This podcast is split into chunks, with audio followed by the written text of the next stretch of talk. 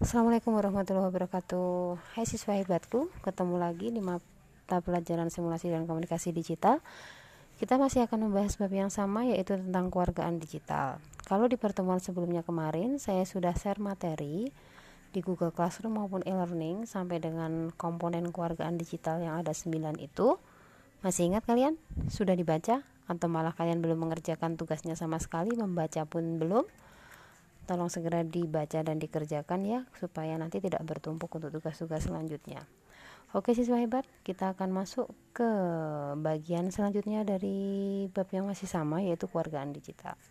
Are you ready? Oke. Di pertemuan ini kita akan membahas tentang akronim pengingat THINK, T H I N K.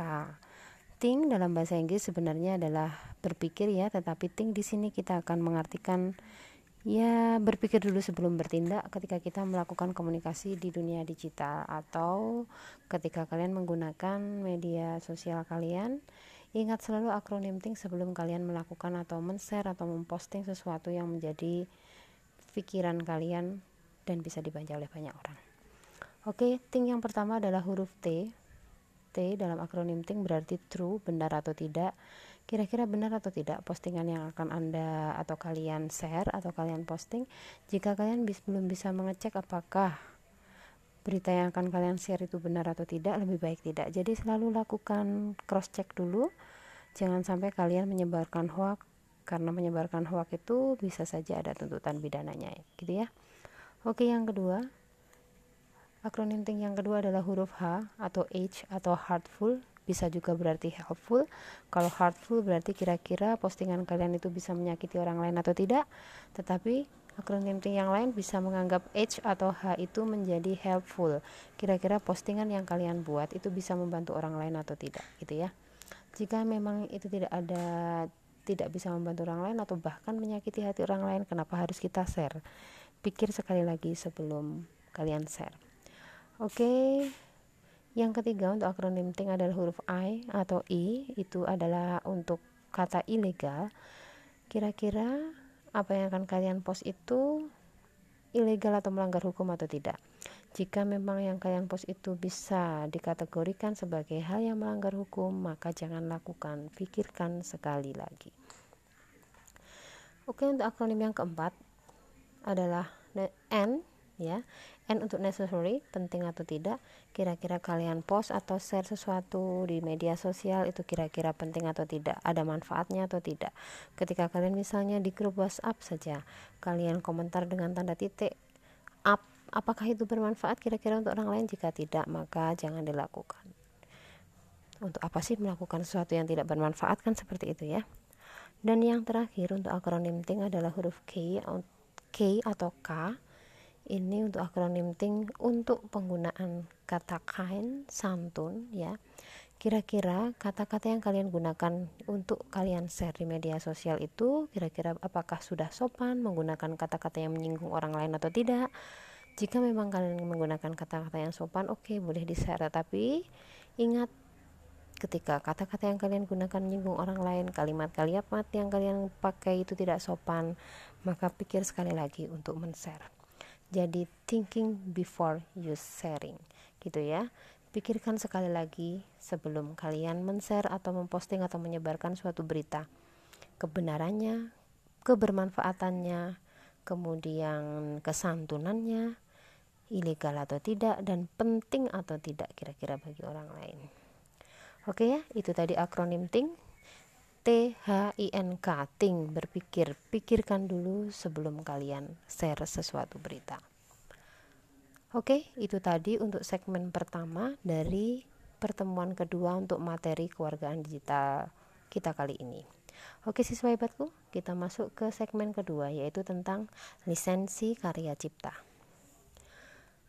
Oke, eh, baik di media sosial, mau, eh, di dunia digital maupun bukan atau di dunia nyata sehari-hari ketika kita menciptakan sesuatu yang bisa dinikmati orang oleh orang lain itu ada dua. Yang pertama ketika itu akan dimanfaatkan oleh orang lain maka harus ada izin dari kalian ya kan? Yang kedua ketika kita membuat sesuatu memang kita berniat untuk menyebarkan itu secara gratis pada orang lain maka oke okay, silahkan gunakan saja. Itu prinsipnya seperti itu. Itu digunakan di dunia nyata. Nah di dunia digital pun juga seperti itu ya. Ketika kita membuat karya cipta di dunia digital. Misalnya lah kita menggunakan Microsoft Office untuk uh, pekerjaan kita. Nah itu ada hak cipta. Ketika kita menggunakan aplikasi itu ada hak cipta atau kita memiliki software misalnya di dunia digital itu ada hak cipta yang harus kita hormati. Ketika kita menggunakan maka kita harus izin terlebih dahulu. Kita bisa harus berbayar atau gratis itu ada syaratnya. Ketika memang harus berbayar berarti kita harus memberikan royalti atas sebagai penghargaan kita kepada orang yang sudah membuat program tersebut sehingga bisa kita gunakan. Itu berarti kita harus menghormati hak cipta dan kita menggunakan sesuai aturan karena itu sudah ada aturan hukumnya ketika kita memanfaatkan uh, apa ya hasil ciptaan orang lain maka kita harus menghormatinya dengan cara memberikan royalti atau membayar. Tetapi ada juga yang gratis. Nah yang kedua nah seperti itu namanya adalah apa ya lisensi. Jadi lisensi yang diberikan kepada kita ketika kita sudah memberikan penghargaan kepada penciptanya. Nah, yang kedua, yang kedua adalah lisensi yang memang dibuat dengan tujuan untuk membagikan hasil kreativitasnya secara bebas. Lisensi yang apa ya, yang seperti ini namanya adalah Creative Commons. Creative Commons dengan tulisan C O M M O N S, Creative Commons ya. Creative Commons itu berarti ketika kita menggunakan uh, hasil karya orang lain kita sebenarnya tidak perlu membayar tetapi nanti ada syarat-syarat tertentu. Nanti akan saya share dalam bentuk materi tertulis. Untuk Creative Commons itu ada berapa? Ada beberapa jenis dari lisensi Creative Commons ya. Dan e, tepatnya ada tiga jenis di mana tiga jenis itu memiliki ketentuan yang berbeda-beda. Nanti ada ada lambangnya ya. Misalnya untuk Creative Commons Attribution A T T R I B U T I O N attribution. Attribution itu kita menggunakan tanda nanti ada tanda lingkaran kemudian ada lambang orang di tengahnya. Nah ketika lisensi Creative Commons yang bunyinya adalah attribution itu berarti kita harus mencantumkan nama pencipta konten yang ketika kita bagikan. Jadi ketika Creative Commons atau kita berkreat e, kita menggunakan konten yang dibuat oleh orang lain meskipun dia memang sengaja untuk disebarkan tanpa harus membayar tetapi kalau ada lambang attributionnya maka kita harus mencantumkan nama pencipta konten ketika kita membagikannya. Oke itu yang pertama. Kemudian Creative Commons yang kedua adalah non komersial non komersial itu ditandai dengan lingkaran. Kemudian di tengahnya ada tanda seperti tanda dolar mata uang dolar. Kemudian ada tanda garis miring atau diagonalnya. Nanti akan saya share dalam materi tertulis. Nah kalau ada Creative Commons yang tandanya seperti itu berarti dia artinya non komersial atau tidak berbayar. Jadi kita gratis menggunakannya. Kemudian yang ketiga adalah share alike. Share alike itu ditandai dengan lingkaran kemudian ada tanda panah melingkar seperti kalau kita tanda andu hampir seperti itu. Nah kalau ada tanda seperti itu artinya adalah share alike yang artinya dapat dibuat turunan dari karya asli dengan lisensi yang sama Nah, lambang-lambang Creative Commons atau CC ya, CC itu berarti Creative Commons itu bisa berdiri sendiri atau bisa tiga-tiganya ada. Berarti kalau tiga-tiganya ada, misalnya kalian menemukan konten yang ada tiga lambang itu, berarti artinya adalah kita harus mencantumkan nama pencipta kontennya, kemudian konten itu gratis atau tidak berbayar, dan kita bisa membuat konten turunan dari karya asli tersebut dengan menggunakan lisensi yang sama, gitu ya. Jadi ketika kalian menggunakan konten di dunia digital, baik itu berupa software ataupun berupa karya dari YouTube saja misalnya seperti itu, maka ingat-ingat bahwa di situ ada hak cipta orang lain. Ketika memang ketika kita menggunakan harus e, menggunakan konten berbayar, maka kita harus membayar supaya bisa menggunakan. Ketika kita menggunakan Creative Commons, jangan lupa untuk selalu mencantumkan kredit title atau nama pencipta konten tersebut sebelum kita membagikannya. Ingat-ingat itu ya itu adalah wujud kita menghormati hak cipta orang lain. Begitu juga kalian karena kalian yang saya ampu di tahun ini adalah semuanya dari program TKJ. Kalian juga memiliki kesempatan nantinya ketika kalian bisa kreatif membuat konten kreatif, kalian sebarkan maka kalian juga punya hak untuk mendapatkan royalti dari orang lain yang menggunakan ketika kalian memang menggunakan hak cipta tersebut gitu ya oke ini tadi adalah materi yang kita bahas di pertemuan kali ini. Nanti akan saya share juga dalam bentuk tulisan. Yang pertama tadi adalah akronim THINK ya. THINK itu ada arti ada lima T H I N K itu masing-masing ada artinya. Silahkan nanti diingat-ingat lagi. Kalian juga bisa browsing di internet mengenai akronim THINK begitu juga dengan lambang Creative Commons kalian juga bisa browsing. Silahkan cari lambang-lambang Creative Commons itu seperti apa. Siapa tahu kalian mendapatkan pengetahuan yang lebih baik lagi. Saya yakin kalian lebih canggih dan lebih hebat dalam menggunakan konten-konten di media sosial daripada saya. Gitu ya karena saya ini termasuk generasi tua yang biasanya menggunakan media konvensional. Beda dengan kalian yang sudah terbiasa sekali menggunakan konten-konten digital. Oke okay guys, pertemuan kita kali ini saya cukupkan. Ingat, ini masih masa pandemi COVID-19. Jaga selalu protokol kesehatan, tetap jaga jarak, gunakan masker ketika keluar rumah, cuci tangan dengan sabun dan air mengalir sesering mungkin. Jika tidak ada kepentingan yang sangat penting, jangan keluar rumah kerjakan tugas dan materi kerjakan tugas dari Bapak Ibu guru dengan bahagia jangan ditunda-tunda kemudian belajar dengan bahagia. Jika ada yang kurang jelas silahkan ditanyakan. Bisa di grup WhatsApp bisa juga dengan WA Japri ke saya bisa juga di kolom komen pada Google Classroom bisa telepon dan sebagainya. Silahkan kita sama-sama berdoa semoga pandemi ini bisa segera pulih dan teratasi sehingga kita bisa sekolah dengan normal, ketemu di laboratorium komputer dan kita belajar bersama-sama. Oke, terima kasih atas perhatiannya. Ada kurang lebihnya mohon maaf. Assalamualaikum warahmatullahi wabarakatuh.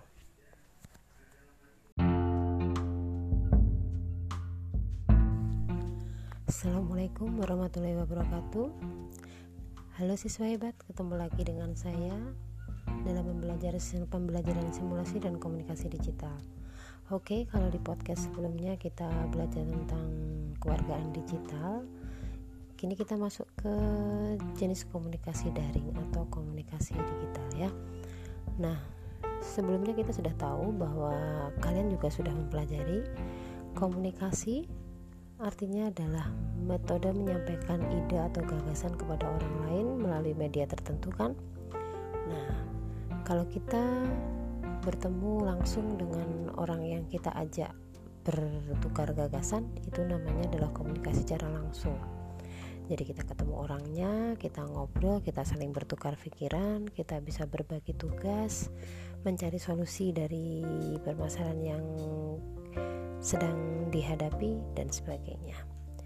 Nah dalam perkembangan zaman, perkembangan dari komunikasi digital, kita mengenal satu lagi macam komunikasi, yaitu komunikasi dengan menggunakan media internet.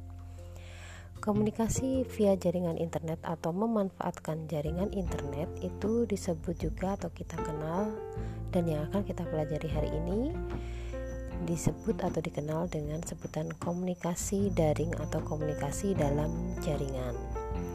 Nah, komunikasi dalam jaringan ini nanti ada beberapa fitur yang bisa kita gunakan kita bisa menggunakan browsing, chatting, video call, kemudian email atau surel dan lain sebagainya. Nah, komunikasi daring atau komunikasi di dalam jaringan ini nantinya akan dibagi menjadi dua macam. Nah, itu yang akan kita pelajari hari ini ya.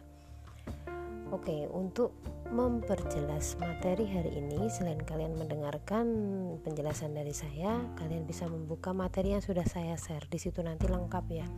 Komunikasi dalam jaringan itu jenisnya apa saja, kemudian masing-masing jenis komunikasi dalam jaringan nanti akan ada contoh-contohnya. Bagaimana mengaplikasikan contoh-contohnya itu nanti di situ sudah ada. Ini hanya sebagai pelengkap media saja supaya kalian tidak hanya membaca tapi juga mendengarkan. Oke, kita masuk ke komunikasi daring yang pertama atau komunikasi dalam jaringan yang pertama yaitu komunikasi daring secara sinkron atau serempak. Nah, apa sih komunikasi daring sinkron, sinkron atau serempak? Ya, berarti bersamaan. Serempak itu nama lainnya adalah bersamaan. Nah, karakteristik, karakteristik utama dari jenis komunikasi ini adalah dilakukan dalam waktu yang bersamaan oleh pengirim data atau pesan dan penerima data atau penerima pesan secara real time. Jadi dua-duanya saat itu aktif atau online. Nah, macam-macam komunikasi daring sinkron atau daring bersamaan atau real time itu antara lain yang pertama chatting. Chatting ini awalnya ditunjukkan untuk sarana ngobrol ya melalui pesan instan atau instant instant message pengganti SMS kalau dulu chatting itu kita bisa menggunakan apa ya misalnya Yahoo Chat gitu ya. Kemudian nah karena menggunakan SMS itu biayanya cukup mahal maka dengan chatting itu akan lebih enak lebih murah karena kita menggunakan jaringan internet. Nah dengan chatting kita bisa saling berkirim selain kita berkirim teks kita juga bisa berkirim gambar, berkirim emoji, bisa mengirim audio file, bahkan file apa pun bentuknya, baik video, kemudian dokumen bisa kita share dengan chat ini. Nah, chatting itu bisa dilakukan secara pribadi atau satu orang dengan orang yang lain yang kita kenal dengan istilah Jabri kalau kami yang tua-tua ini menyebutnya Jabri kalau kalian mungkin ada istilah lain ya Jabri itu jalur pribadi. Misalnya saya meminta kalian ketika ada pertanyaan boleh Jabri ke saya via WA berarti itu kalian bisa berkomunikasi secara langsung orang per orang dengan saya ketika ada kesulitan. Misalnya seperti itu. Nah selain chatting antar individu kalian juga bisa melakukan chatting dalam sebuah grup jadi nanti setiap member atau setiap anggota di dalam grup bisa saling berkomentar. Contohnya adalah grup WA di kelas kita untuk simulasi dan komunikasi digital. Pasti kalian sudah paham ya. Nah itu tadi ya. Contohnya chatting itu adalah kita bisa menggunakan Yahoo Messenger seperti yang saya sebutkan tadi, kemudian WhatsApp, Telegram. Dulu ada yang namanya BBM. Nah sekarang sudah nggak ada ya BBM tapi ya. Oke, yang kedua adalah telekonferensi Telekonferensi itu adalah chatting berupa voice call yang dilakukan secara bersama-sama atau serempak oleh beberapa orang sekaligus. Nah, ini dulu di apa ya, di awal tahun 2000-an sudah ada ini. Kita bisa menggunakan Skype misalnya. Nah, adapun komunikasi suara antar individu dengan individu lain ini, ini disebut dengan voice chat yang bisa kita temui di aplikasi WhatsApp misalnya. Kita bisa saling bertukar voice chat ya bahkan sekarang bisa voice call kan gitu ya dengan menggunakan WhatsApp. Itu adalah komunikasi real time yang kita masukkan dalam komunikasi sinkron dalam komunikasi jenis komunikasi dalam jaringan. Berikutnya untuk komunikasi sinkron yang ketiga adalah video conference. Ini adalah metode berkomunikasi dengan sambungan data audio dan video. Jadi selain kita suara kita juga masuk maka gambar atau wajah kita pada saat itu secara real time juga masuk. Jadi satu dengan yang lain di dalam grup uh, video conference itu atau vicon kita menyingkatnya itu kita bisa saling melihat satu dengan yang lain. Itu sudah kita gunakan ya atau setidaknya kalian gunakan ketika kalian MPL SD SMK 2 maupun pembelajaran kemarin dengan menggunakan Zoom bisa dengan menggunakan Google Meet. Uh, kemudian Skype juga bisa. Sekarang pun kalau kita mau pakai WhatsApp pun sebenarnya juga bisa untuk beberapa orang gitu ya. Nah itu tadi adalah jenis-jenis komunikasi dalam jaringan. Yang pertama yaitu komunikasi sinkron atau komunikasi serempak atau komunikasi real time. Jadi dua pihak yang atau lebih yang berkomunikasi itu sama-sama aktif atau online. Oke yang kedua adalah komunikasi dari secara asinkron atau tidak serempak. Kenapa disebut sebagai asinkron atau tidak serempak? Itu karena jenis komunikasi digital ini dilakukan secara tidak langsung dan mengalami masa jeda atau tunda. Setelah menerima pesan, penerima itu tidak segera merespon atau membalas pesan tersebut. Ya, bisa mungkin karena sedang sibuk atau dibaca, ah nanti saja dibales gitu misalnya ya jadi itu adalah contoh dari komunikasi asinkron. Misalnya kalau kita nerima email tapi notifnya tidak ada di HP kita. Kalau kita nggak buka email maka kita nggak tahu kalau ada email di dalamnya misalnya seperti itu. Atau misalnya kita ya itulah ya. Misalnya email kemudian kita nggak tahu kalau karena tidak ada notifnya di handphone kita jadi kalau kita tidak buka inbox email maka kita tidak tahu kalau ada email masuk. Itu contohnya salah satunya. Contoh lainnya ada misalnya apa ya? Hmm, misalnya ya itu tadilah contoh yang gampang itu aja ya pakai misalnya email itu saja biar gampang Nah, untuk komunikasi yang asinkron ini supaya bisa berjalan dengan baik maka dibutuhkan beberapa macam. Ada hardware, ada software, kemudian ada brainware dan ada saluran transmisi atau internetnya. Jadi kalau ada brainware itu kemampuan dari pengguna untuk memakai teknologi komunikasi digital untuk menunjang keberhasilan komunikasi tersebut hardware jelas ya berarti alatnya secara fisik yang bisa disentuh dan dioperasikan. Software itu berarti perangkat yang ada di dalamnya tidak bisa diraba tetapi dia bisa e, membantu untuk mengoperasikan apa yang ingin kita lakukan. Kemudian jaringan internet pasti kalau kita ingin melakukan komunikasi digital maka kita membutuhkan internet. Nah untuk penjelasan satu persatu baik itu email kemudian uh, aplikasi mobil chat misalnya WhatsApp dan sebagainya itu kalian bisa cari sumber yang lain bisa juga kalian coba buka materi dari saya yang berupa tulisan kemarin ya. Jadi ya aplikasi mobile chat itu ada beberapa macam. Yang paling kalian kenal atau yang mungkin yang umum termasuk kami yang tua-tua ini yang kita gunakan adalah WhatsApp tetapi ada juga telegram. Telegram itu kalian pasti juga menggunakan ya. Kakao talk kemudian apa lagi ya? Yang biasa digunakan udah banyak banget kan? Itu adalah aplikasi mobile chat. Ada banyak sekali macamnya dengan fasilitas yang ada di dalamnya bermacam-macam dan juga kelebihan-kelebihannya.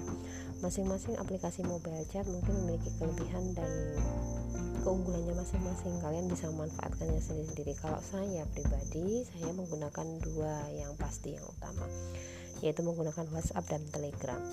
Kalau kalau WhatsApp itu ya karena memang yang umum digunakan untuk pekerjaan itu memang WhatsApp. Kalau Telegram itu untuk grup-grup yang sangat besar misalnya yang anggotanya ribuan itu biasanya bisa diakomodir dengan menggunakan Telegram. Kemudian yang ketiga saya juga menggunakan Facebook Messenger meskipun itu tidak aktif saya gunakan tetapi masih ada. Saya masih pakai meskipun tidak aktif menggunakannya.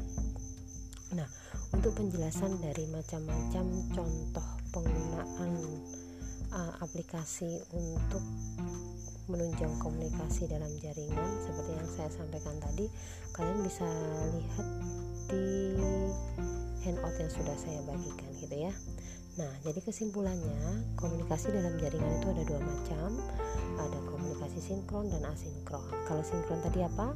Sinkron itu berarti serempak atau bersamaan atau real time. Jadi dua-duanya aktif aktif mendengarkan, aktif menerima dan aktif membaca. Misalnya itu berupa text message.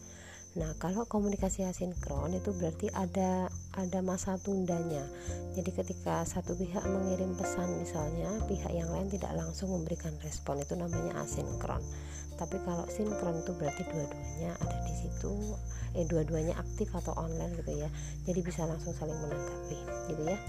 Oke, itu adalah pengantar penjelasan ya media untuk memperjelas handout yang sudah saya berikan kalau nanti ada yang kurang jelas, maka kalian bisa menggunakan komunikasi dalam jaringan yaitu WhatsApp ke saya bisa, kemudian kalian bisa menuliskan juga komentar di kolom komentar Google Classroom atau e-learning. Insya Allah nanti akan saya jawab sebisanya dan ingat masa pandemi belum selesai masa belajar di rumah masih berlangsung, tetap semangat belajar di rumah, jaga kesehatan, jaga jarak, patuhi protokol kesehatan. Jika terpaksa keluar rumah, jangan lupa pakai masker, cuci tangan sering mungkin dengan menggunakan sabun dan air mengalir. Jaga jarak.